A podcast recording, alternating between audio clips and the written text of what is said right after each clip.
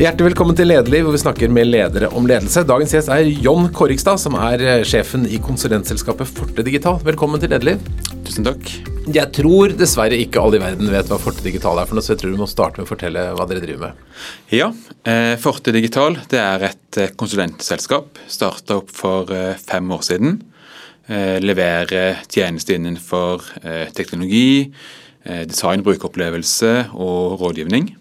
Eh, kombinere det sammen i det vi kan et tverrfaglig team, som jobber med ulike typer virksomhet, privat-offentlig, for å hjelpe de på en digitaliseringsreise. Mm. Og Det som er gøy med dere, som er noe av grunnen til at vi har invitert hit, er at dere har hatt en utrolig vekst. Dere har vokst fra null til i 2017 til over 250 mennesker nå og er gaselle hos Dagens Næringsliv. Hvordan har dere klart det? Hva er oppskriften på en sånn vekst?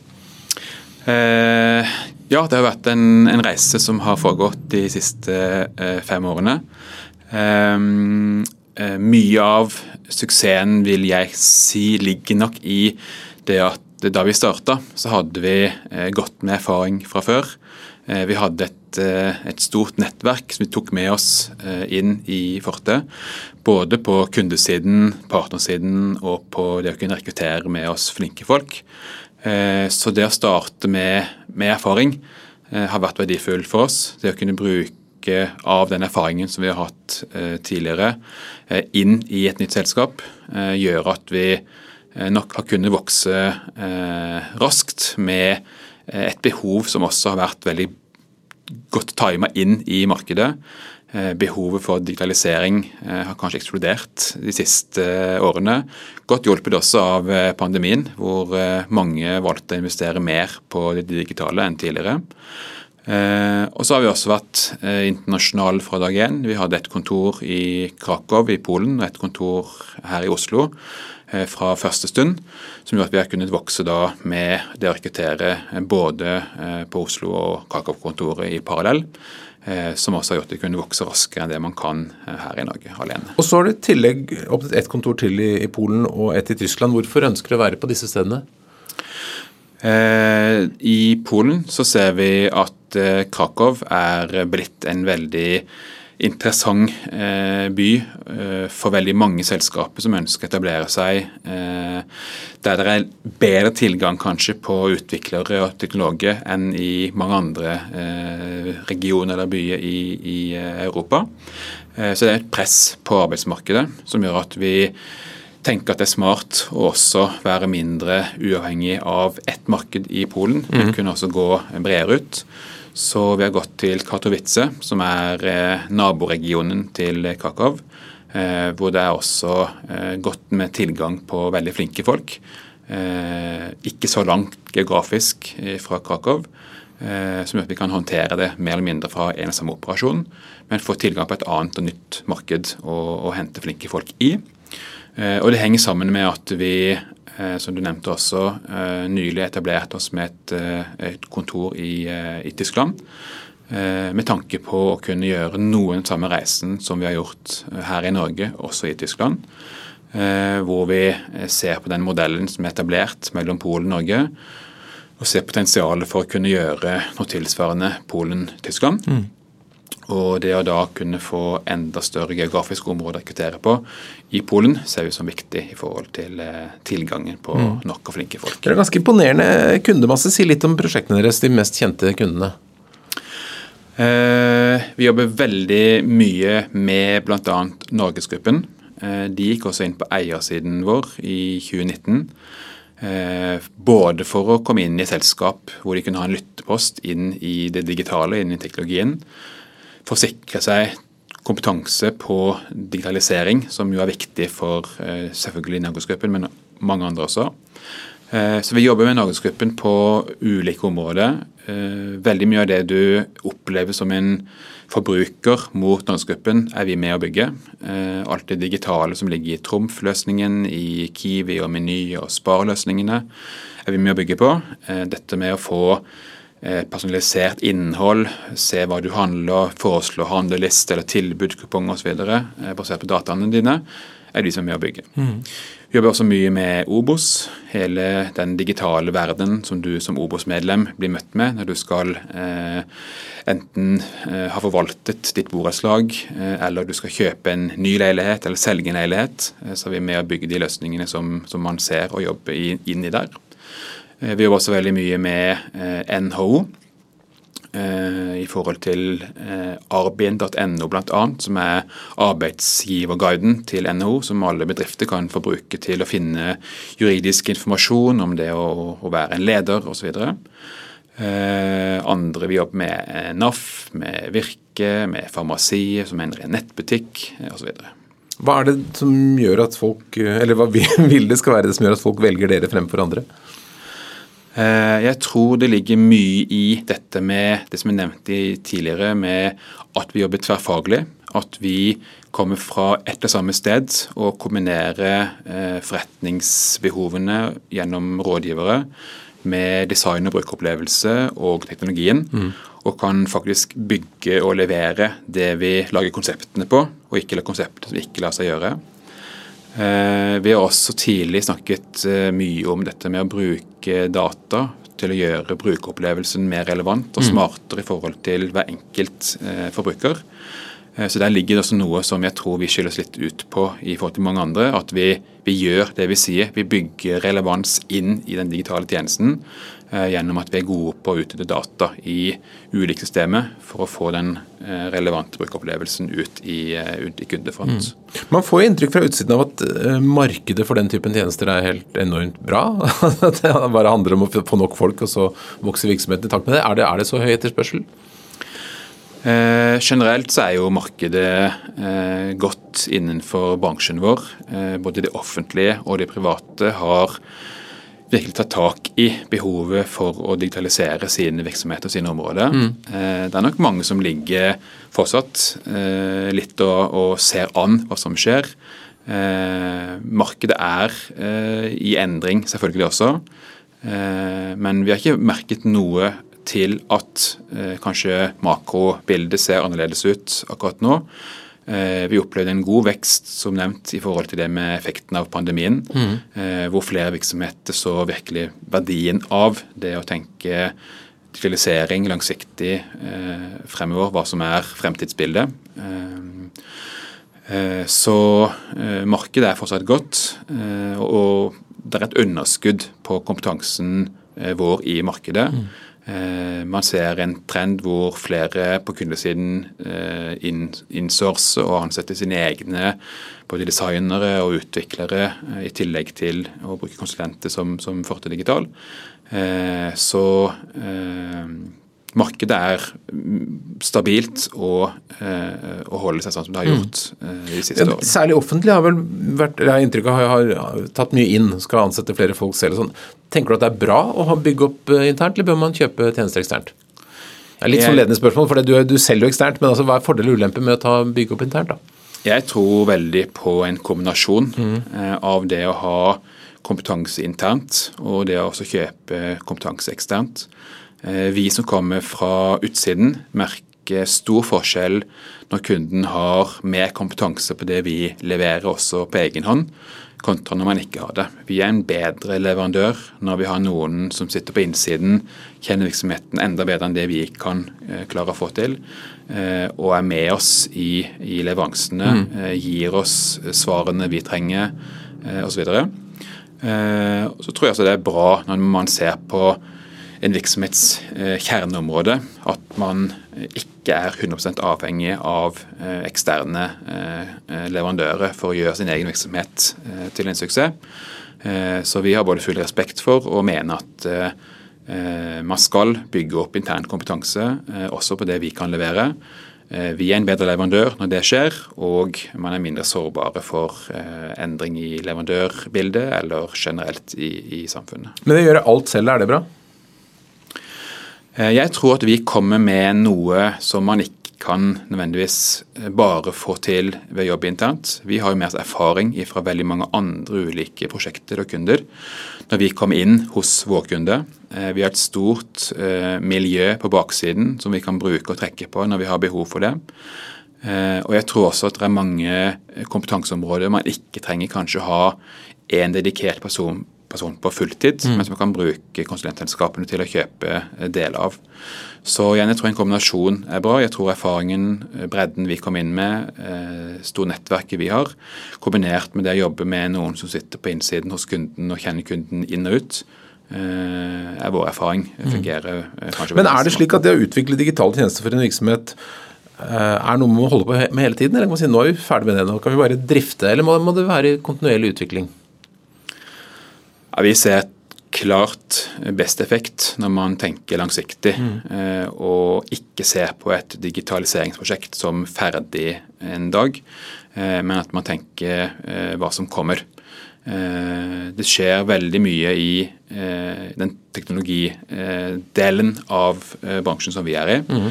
Eh, og det å henge med i alle mulighetene som finnes, det å videreutvikle og ikke minst optimalisere de løsningene som man sitter på, eh, ser vi er viktig og avgjørende for at man skal ha maksimal utbytte av, eh, av investeringen som man gjør i den digitale delen. Mm. La oss snakke litt om din eh, lederreise, Jon. Tenkte du i barnehagen at jeg skal bli leder for et stort digitalselskap? det var kanskje ikke så mye digitalt i barnehagen? Når... Nei, jeg havna inn i denne bransjen her kun med tilfeldigheter. Eh, ja, For du ville egentlig gjøre noe annet, du? Jeg ville gjøre noe helt annet. Jeg uh, begynte å studere uh, kjemi fordi jeg var interessert i helse og i, i medisin. Hadde ikke lyst til å bli lege, men hadde lyst til å jobbe med det å utvikle eh, nye typer medisiner. Så jeg studerte legemiddelkjemi. Eh, og tok da en hovedfag eh, i det på Universitetet i Oslo. Eh, men så så jeg, eh, dette var da for eh, ja, godt og vel 20 år siden, at det skjer veldig mye spennende i en helt annen bransje som var ganske ny den gangen. og studerte og tok en god del ekstrafag på, på IT og utvikling. Så jeg endte opp med å jobbe som utvikler de første årene etter jeg var ferdig utdannet som kjemiker. Eh, og tilfeldigheten har eh, ført meg inn i ulike selskaper som vi har fått eh, mange spennende muligheter i. Frem til nå, hvor vi starta da Forte Digital for fem år siden. Så jeg har vært ja, mer eller mindre leder med ulike oppgaver de siste 10-15 årene. Men begynte som utvikler og ha det i hendene fra, fra den gangen. Mm. Det å være sjef, lede hele selskapet, er det noe som du har drømt om? Eh, jeg har nok ikke drømt om å være leder og sjef, eh, men jeg håper og tror at jeg har noen egenskap som har ført meg litt inn i det sporet, også av andre. Hvilke egenskaper er det? Jeg tror at jeg eh, klarer å kombinere det med å eh, tenke strategisk. Tenke hva er eh, den veien vi skal gå på de neste årene. Kombinere det med det å eh, få med meg folkene rundt meg til å jobbe i dag på det som skal gjøres nå. Og så gradvis jobbe med det som skal leveres og være målet lenger frem i tid. Eh, jeg tror også at jeg, er født inn i en, i en people business, i en, i en verden der det er folk som er verdien i selskapene. Uh, og uh, har jobbet mye med dette med å implementere autonomi, fleksibilitet, viktigheten av det å jobbe med kompetanseutvikling i kunnskapsmiljøet. Mm. Kommer fra den siden selv, har vært der og jobbet med faget selv Eh, tidligere. Så jeg forstår, eh, håper jeg, eh, godt det som de folkene leder også jobber med til daglig. De utfordringene som de sitter på i sine oppgaver. Og hvordan de tenker og hvordan de ønsker å lykkes, mm. og hva de motiveres av. Men det, det, denne bedriften er altså relativt ung. Dere startet i 2017, og det var som du sa, en, en erfaren gjeng. Hva var det som førte til at dere hadde lyst til å starte opp noe eget, og hvordan tenkte dere i begynnelsen for å liksom få dette til å fly? Eh, det aller første som vi hadde som eh, ambisjon eller mål da vi starta opp, det var å bygge vår egen drømmearbeidsplass. Eh, det å kunne ha et sted hvor alle sammen hadde lyst til å gå på jobben, fikk en motivasjon av det vi gjorde på jobben, var et hovedmål fra, fra oppstarten av. Vi hadde ikke drømt om å sitte i dag og være 250 ansatte og har kontor i, eh, i tre land. Eh, det har vært en reise som har utviklet seg over tid. Eh, vi har ja, jeg vil si vært opportunistiske i, eh, på veien vår. Mm. Vi har sett og fått og tatt noen muligheter som har dukket opp. Eh, vi har truffet bra i markedet, eh, og vi har fått med oss flinke folk som har gjort den reisen til en større reise enn det vi tenkte i begynnelsen. Eh, vi tenkte på oss selv først. Mm. Dette med å Hvor mange var dere som starta? Vi var eh, tre stykk eh, her i Oslo, og så var vi fire stykk i, eh, i Krakow, Polen. Mm. Så ikke mange. Eh, vi kjente hverandre veldig godt fra før av. Eh, vi hadde lyst til å gjøre noe sammen. Og lyst til å bygge det stedet som vi skulle trives i og være i lenge selv over mm. flere år. Hva var det dere savnet fra andre jobber som dere håpet å finne i fortet? Ehm, jeg tror det gikk en god del på dette med eh, fokus på selve faget. Mm. Eh, kanskje mindre fokus på tallene og økonomien. Eh, filosofien vår er at tallene kommer når mm. vi leverer og trives og har fornøyde kunder. Så det å ikke ha sånn der eh, budsjett først-tankegang. Eh, mm. Men det å ta budsjettene mer i etterkant har vært noe som vi var både bevisste på i starten, som har fungert bra for oss. Eh, når folk vet hva målet er, har de samme ambisjonene og ønskene om å eh, trives og gjøre noe sammen, så ser vi at det har vært eh, kanskje en bedre effekt av enn å sitte og ha store, grandiose planer som mm. kanskje ikke er så lett å levere på dag til dag. Så motivasjon er jo det viktigste kanskje for eh, alle, både ledere og ansatte.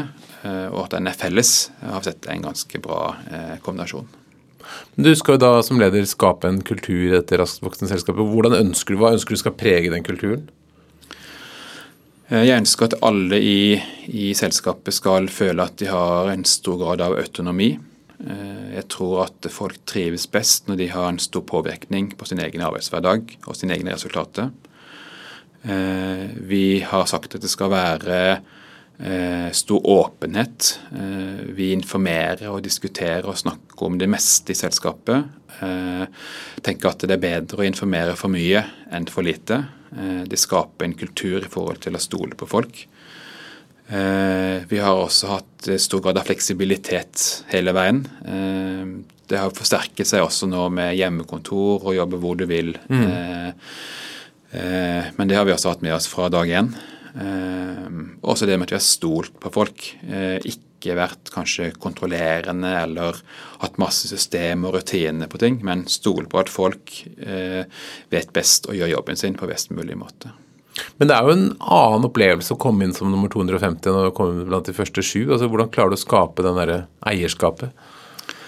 Det er en veldig stor forskjell. og Vi har vi merket på den reisen vi har vært på også, hvor, hvor mye som har endret seg fra vi starta som gründere den gangen og frem til i dag. Eh, nå begynner det å bli vanskelig å huske navnene på alle ansatte. Eh, før var jo det en selvfølge at man kunne det. Mm.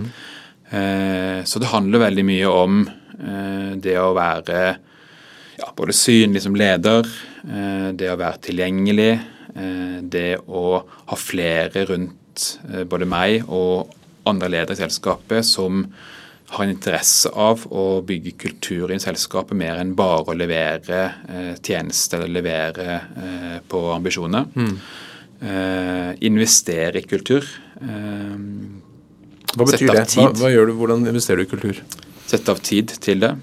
Si at det er OK å bruke noe av arbeidstiden også på å bygge kultur inn i selskapet. Mm.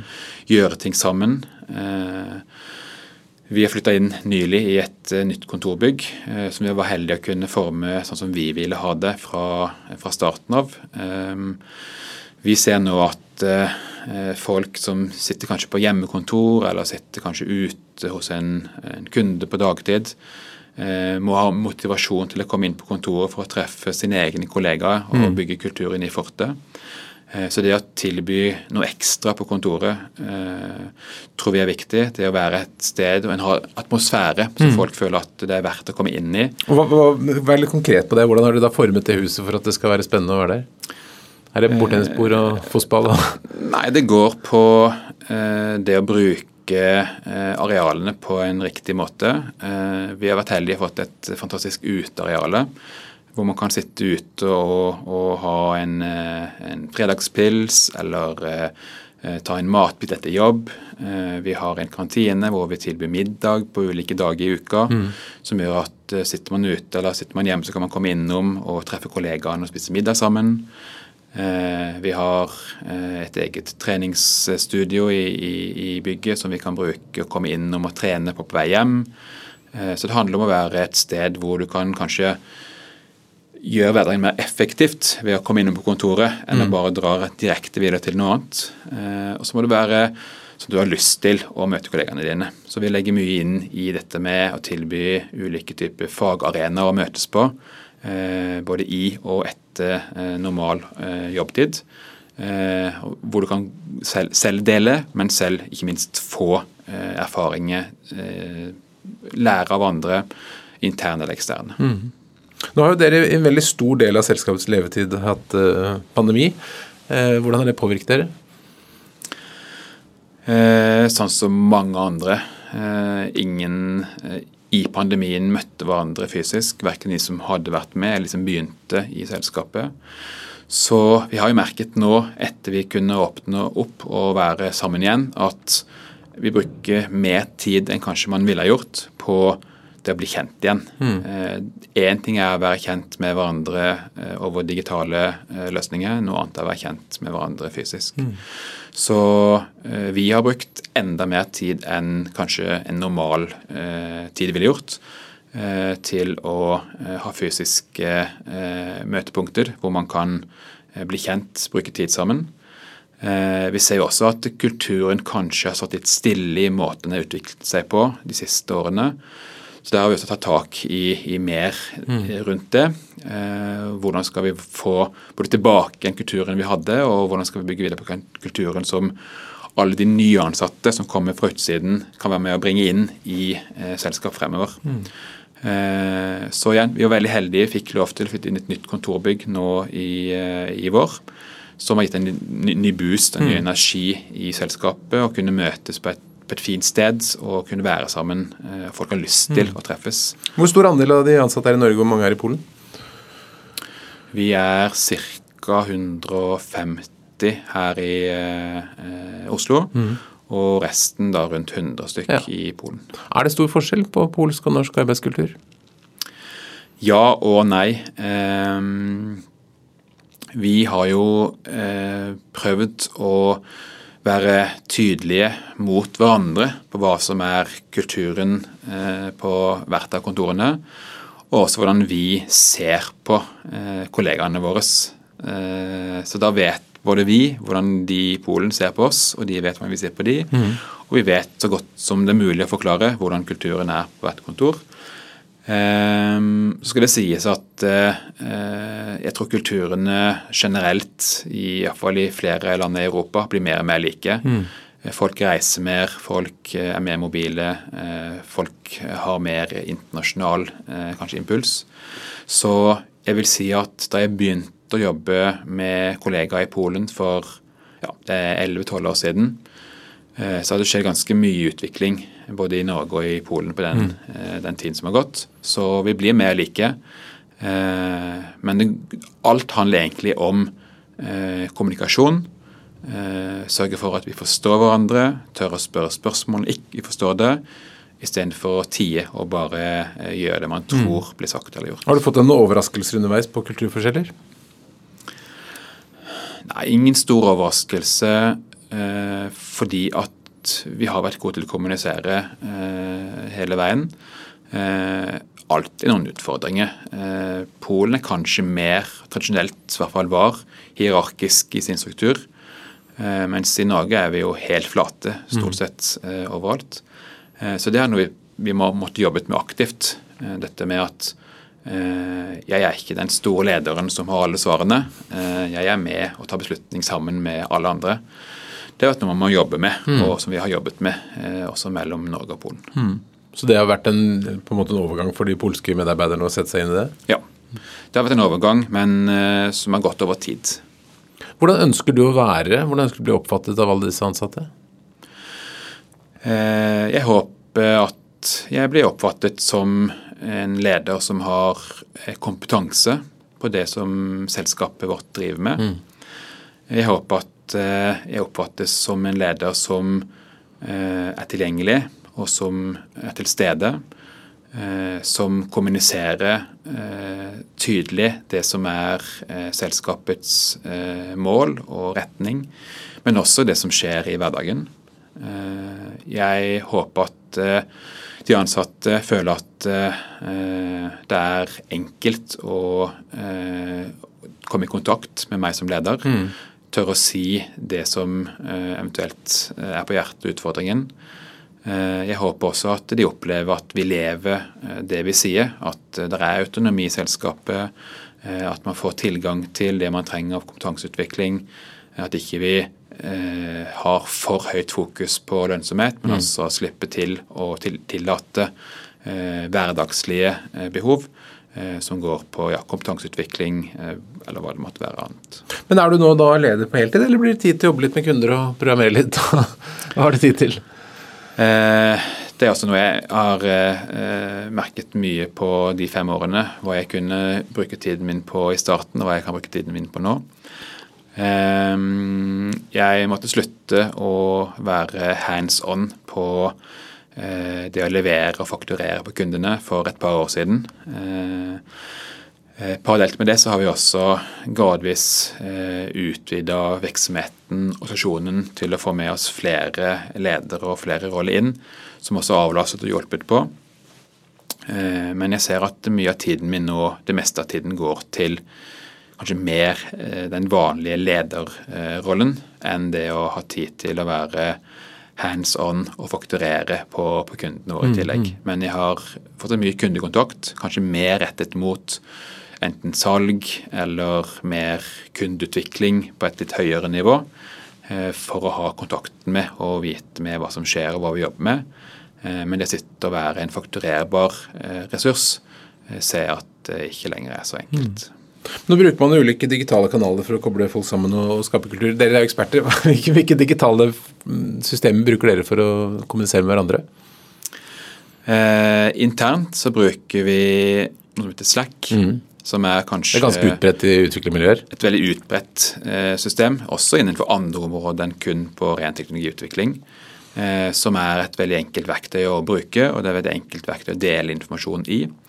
Eh, så der har vi eh, det meste av intern kommunikasjon, det meste av kommunikasjon mellom én til én, eller i grupper, eller mellom oss og kunden. Eh, vi bruker jo Teams eller Zoom mm.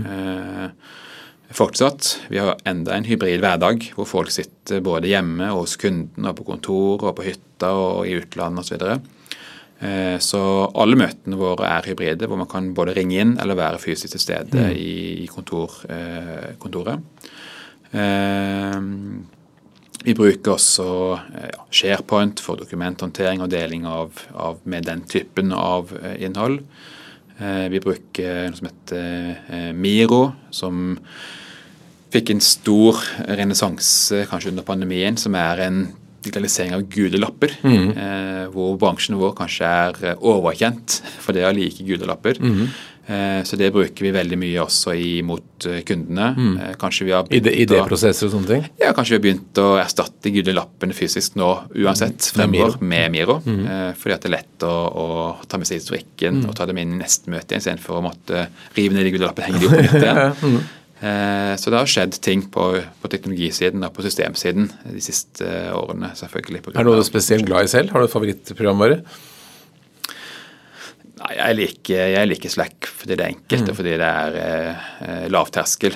Eh, det krever ikke noe verken å komme inn i løsningen eller eh, hva du må skrive eller kommunisere. Du kan skrive akkurat det du tenker her og nå, og så har du måttet sendt den meldingen videre. Men man må ha noen form for kjøreregler på hvordan man organiserer, om alt skal gå i grupper eller individuelt, eller hvordan har dere, laget noen regler hos dere?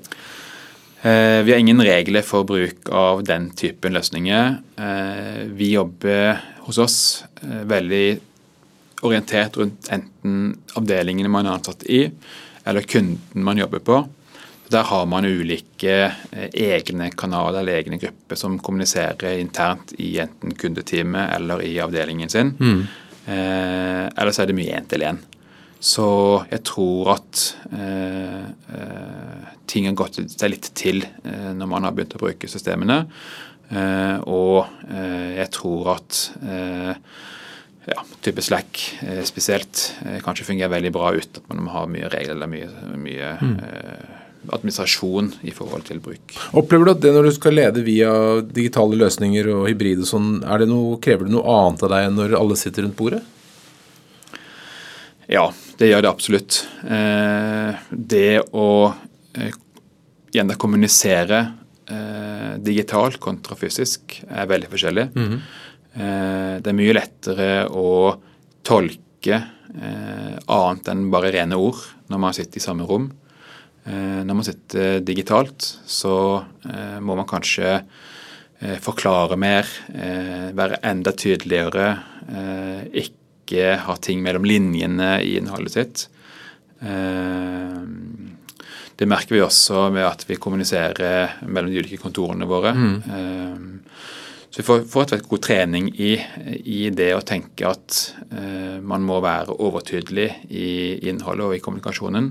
Eh, Istedenfor å tro eller tenke at folk får med seg litt ting også eh, mellom linjene. Eh, så det er den største forskjellen som i hvert fall jeg merker. Så du blir god på å gjøre ting veldig tydelig? Man må være god på å gjøre litt ting tydelig. Mm. Eh, og man må kanskje også i større grad, når man sitter digitalt, sette av tid til å kunne stille spørsmål. Det er lett å kunne eh, ta ordet eller rekke opp hånda når man sitter ved et bord det er lett å glemme at man sitter, kanskje har et spørsmål man også ønsker å stille når man sitter eh, hjemme eller på en digital løsning. Så Det er noe vi har lært oss eh, underveis, at man må i, i Teams-møtene sette av tid å spørre om folk har spørsmål, mm. istedenfor å vente at noen som tar rekke opp hånda eller bare begynner å prate. Det er et godt råd som mange kan ha glede av. Er det noen spesielle opplevelser i din tid som leder som du tenker har formet ditt lederskap? Jeg tenker selvfølgelig at man har blitt påvirket eh, av de selskapene og lederne man har hatt. Jeg har vært veldig heldig med egentlig alle mine ledere. Eh, mine ledere har vært eh, veldig tett på eh, den driften i virksomheten som vi har vært i. Eh, jeg har sett verdien av det å ikke bare se på tallene og på budsjettene og på økonomien, men også forstå virksomheten og være der ute og være tilgjengelig og jobbe i virksomheten også. Mm. Så det har jeg vært heldig å lære av eh, samtlige av mine ledere de stedene jeg har vært, eh, vært tidligere. Eh, så tror jeg også mye av det som har kanskje formet meg som leder, er den erfaringen jeg har hatt med meg fra begynnelsen, hvor jeg begynte med det som jeg i dag er leder for. Eh, og ikke gikk kanskje rett inn i en, i en på en lederkarriere mm. eh, fra dag én, eh, men lærte meg faget mitt og lærte meg virksomheten ifra eh, der hvor man sitter og gjør oppgavene og leverer tjenestene hver eneste dag. Har du sett ledere som leder folk, altså områder de ikke egentlig kan selv? Jeg tror dessverre at kanskje det er mer eh, vanlig enn uvanlig. Mm. Eh, jeg tror mange virksomheter hadde hatt en stor fordel av å kanskje løfte opp eh, også fagtalentene inn i større lederrolle mm. eh, rundt omkring. Eh, jeg tror mange virksomheter har for stort fokus på eh, tallene og på økonomien og på teorien eh, mer enn praksisen og erfaringen og det som faktisk skjer i virksomheten. Mm. Så det tror jeg også er noe av grunnen til at Forte har hatt den veksten og reisen vi har hatt.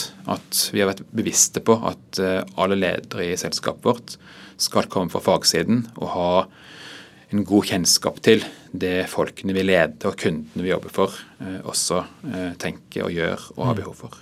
Nå har dere vokst fra 7 til 250 på fem år. Det, det ser lovende ut. Skal dere da være 1000 om et par år? Hvor, hvor store skal dere bli?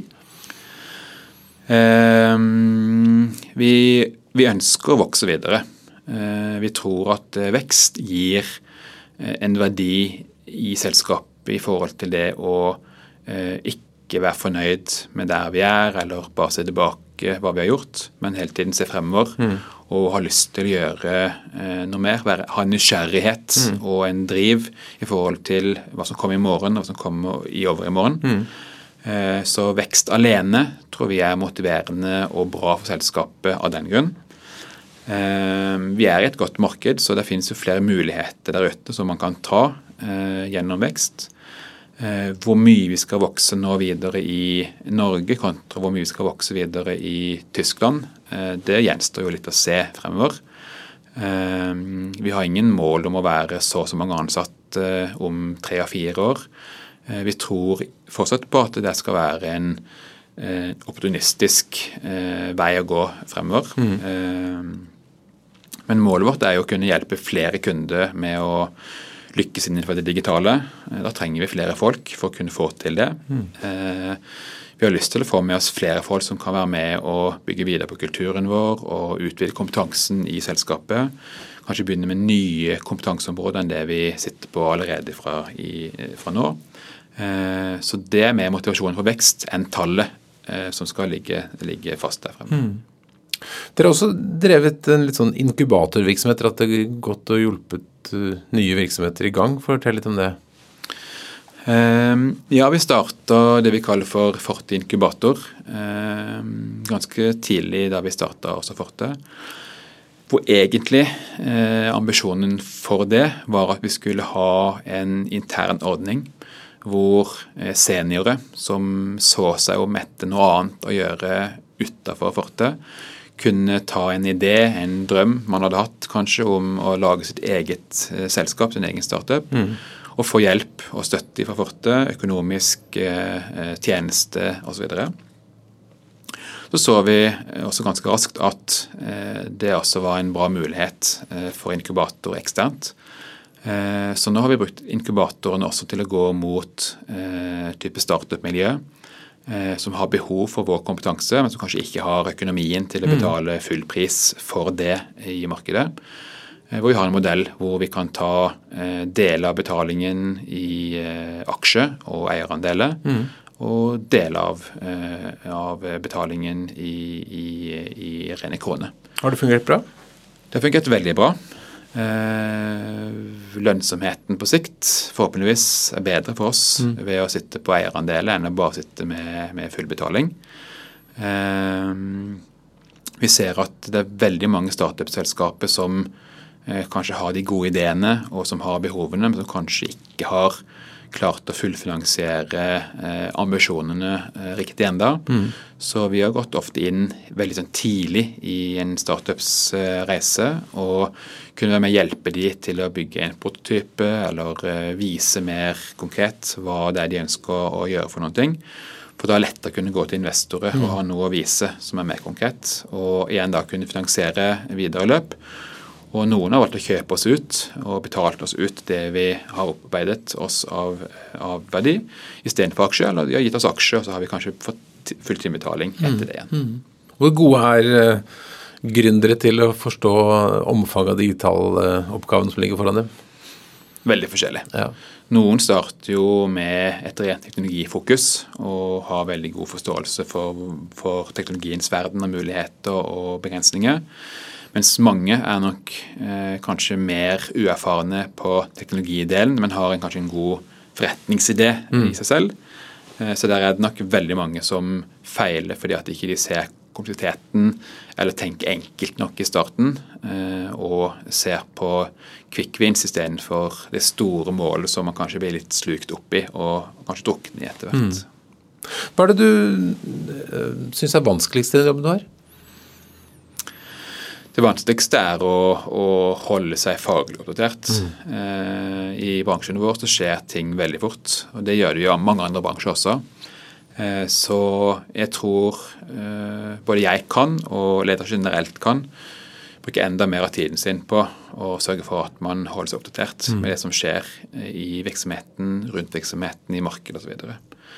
Det har også vært en krevende reise i forhold til å vite når skal vi skalere på hvilke områder i den takten og reisen som vi har hatt i fortet.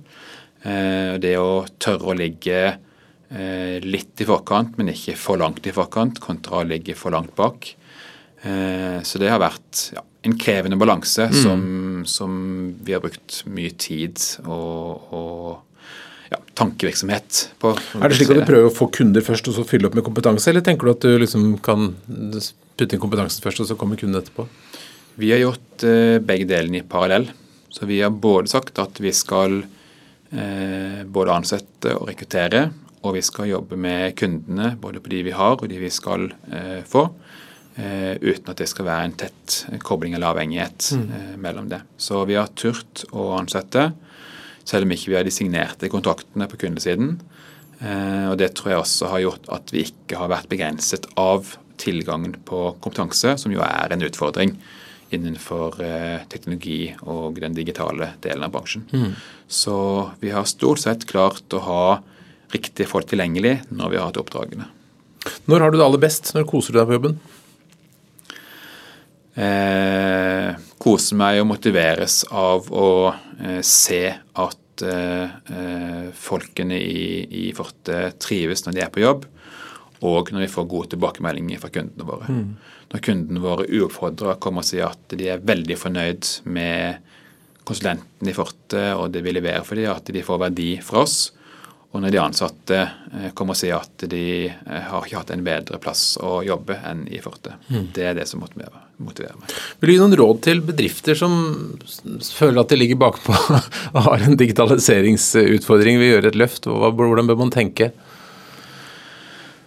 Det vi ser, det er at uh, mange virksomheter bruker både veldig mye tid og veldig mye ressurser på å planlegge, også innenfor det digitale og den digitale reisen de skal på fremfor å bare gjøre. Så jeg tror ett råd vil være å eh, tenke og snakke og planlegge mindre, og tørre å begynne på reisen. Tørre å gjøre ting. Det er smartere å gjøre eh, mindre feil, som man kan justere og eh, endre underveis, enn å vente for lenge og så gjøre en, en stor satsing som kanskje ikke blir sånn som man trodde den skulle bli. Så eh, det å tørre å sette i gang, mm. det å tørre å investere i noe man ikke er helt sikker på, det tror jeg er det beste rådet. Vi hører jo om noen forferdelige prosjekter. Det er jo de offentlige man hører mest om, da, for det er det, er det offentlige rundt det. Men noen sånne store IT-prosjekter som bare går helt av skaftet med titalls millioner brukt uten at noe har kommet ut av det. Er det nettopp en konsekvens av det du sier, for mye planlegging for lite action? Jeg vil si det. Jeg vil si at uh, når man tenker for stort og tenker for lenge og gjør ting for komplisert, så blir det stort og komplisert. Eh, jeg tror at hvis man tenker langsiktig, det skal man alltid gjøre, men klarer å tenke kortsiktig, klarer å tenke eh, quick wins, eh, delmål, tørre å feile, så får man gjort mer raskere. Dele den store reisen man skal på, inn i flere og mindre etapper. Mm eh, istedenfor å ha bare ett langt, stort mål der fremme å reise mot. Eh, det er det som skal til for å eh, lykkes fremover i den eh, fremtiden vi går inn i, mm. Eh, hvor samfunnet rundt oss endrer seg. Eh, de som er innbyggere eller forbrukere eller kunder om ti år til, de er født inn i en helt annen digital hverdag enn det mm, mm. mange av oss andre var den gangen vi begynte eh, å bli kunde eller å bli forbrukere. Eh, så det er en annen forventning, tror jeg, til eh, hvordan samfunnet skal betjene meg som forbruker eller kunde eller innbygger. Det er en annen forventning til det digitale enn det som vi har hatt og sett tidligere. Eh, så de som venter for lenge og tenker for mye, de tror jeg vil eh, se bare at ting blir eh, større problemer, mm. større kostnader, mindre måloppnåelse, enn de som tør å bare starte og sette i gang, feile og forbedre seg underveis. Mm. Er det, er det noe selskap som ikke er kunden din, som du, som du tenker er, er, veldig flinke digitalt? Som er sånn tenker at det skulle ønske vi hadde gjort? Er det noen forbilder der ute? Eh, det er veldig mange flinke eh, både eh, leverandører og kunder der ute innenfor både det private og det offentlige. Når jeg ser etter å bli kjent med nye markeder etter hvert som vi eksponerer fort utenfor Norge, så ser jeg hvor langt vi er kommet f.eks. med Altinn. Mm. Så eh, i Tyskland så tar det kanskje en måned å starte opp et selskap. I Norge tar det en time, og så mm. er du eh, i gang. Så vi ligger veldig langt fremme på mange av de offentlige tjenestene eh, som vi skal være stolte av, men ikke ha noen hvilepute. Men der har vi gjort veldig mye bra. Og Altinn eh, er en stjerne, tror jeg, også mm. internasjonalt. Mm. Bra. Helt til slutt, eh, kunne du tenke deg å gi tre gode råd til en leder som kanskje har lyst til å bli leder hos dere? Det er kanskje en ung person som tenker at en dag så skal jeg bli sånn som John. Hvilke tre råd vil du gi da? Jeg tror at eh, det bl.a. går på det å eh, tørre å satse. Eh, ta ambisjonen ned til handling. Mm. Eh, jeg tror at det handler om det å eh, som jeg sa i stad, prøve å eh, Eller tørre å feile. Mm. Ikke være redd for eh, å feile, men skal gjøre det perfekte hele tiden. Mm. Eh, og eh, skal du inn iallfall i en business som Forte er i, så må du ha en god forståelse av hva som motiverer de folkene som du leder. Det tror jeg gjelder i nesten alle andre bransjer også. Så Eh, Istedenfor bare å se på tallene og på budsjettene, snakk med folkene, forstå hva de motiveres av, og led folkene og ikke led tallene. God avslutning. Jon Korrigstad, tusen takk for at du kom til Lederliv. Takk skal du ha. Takk for at du hører på Lederliv, som er en podkast fra Apeland. Redaksjonen består av Ingrid Hogneland, Lars Bolden, Lars Jarle Melum og Ole Kristian Apeland, som er meg. Vi er takknemlige for alle gode tips om ledere eller andre kommentarer og innspill. Kan sendes til meg, ole.apeland.no.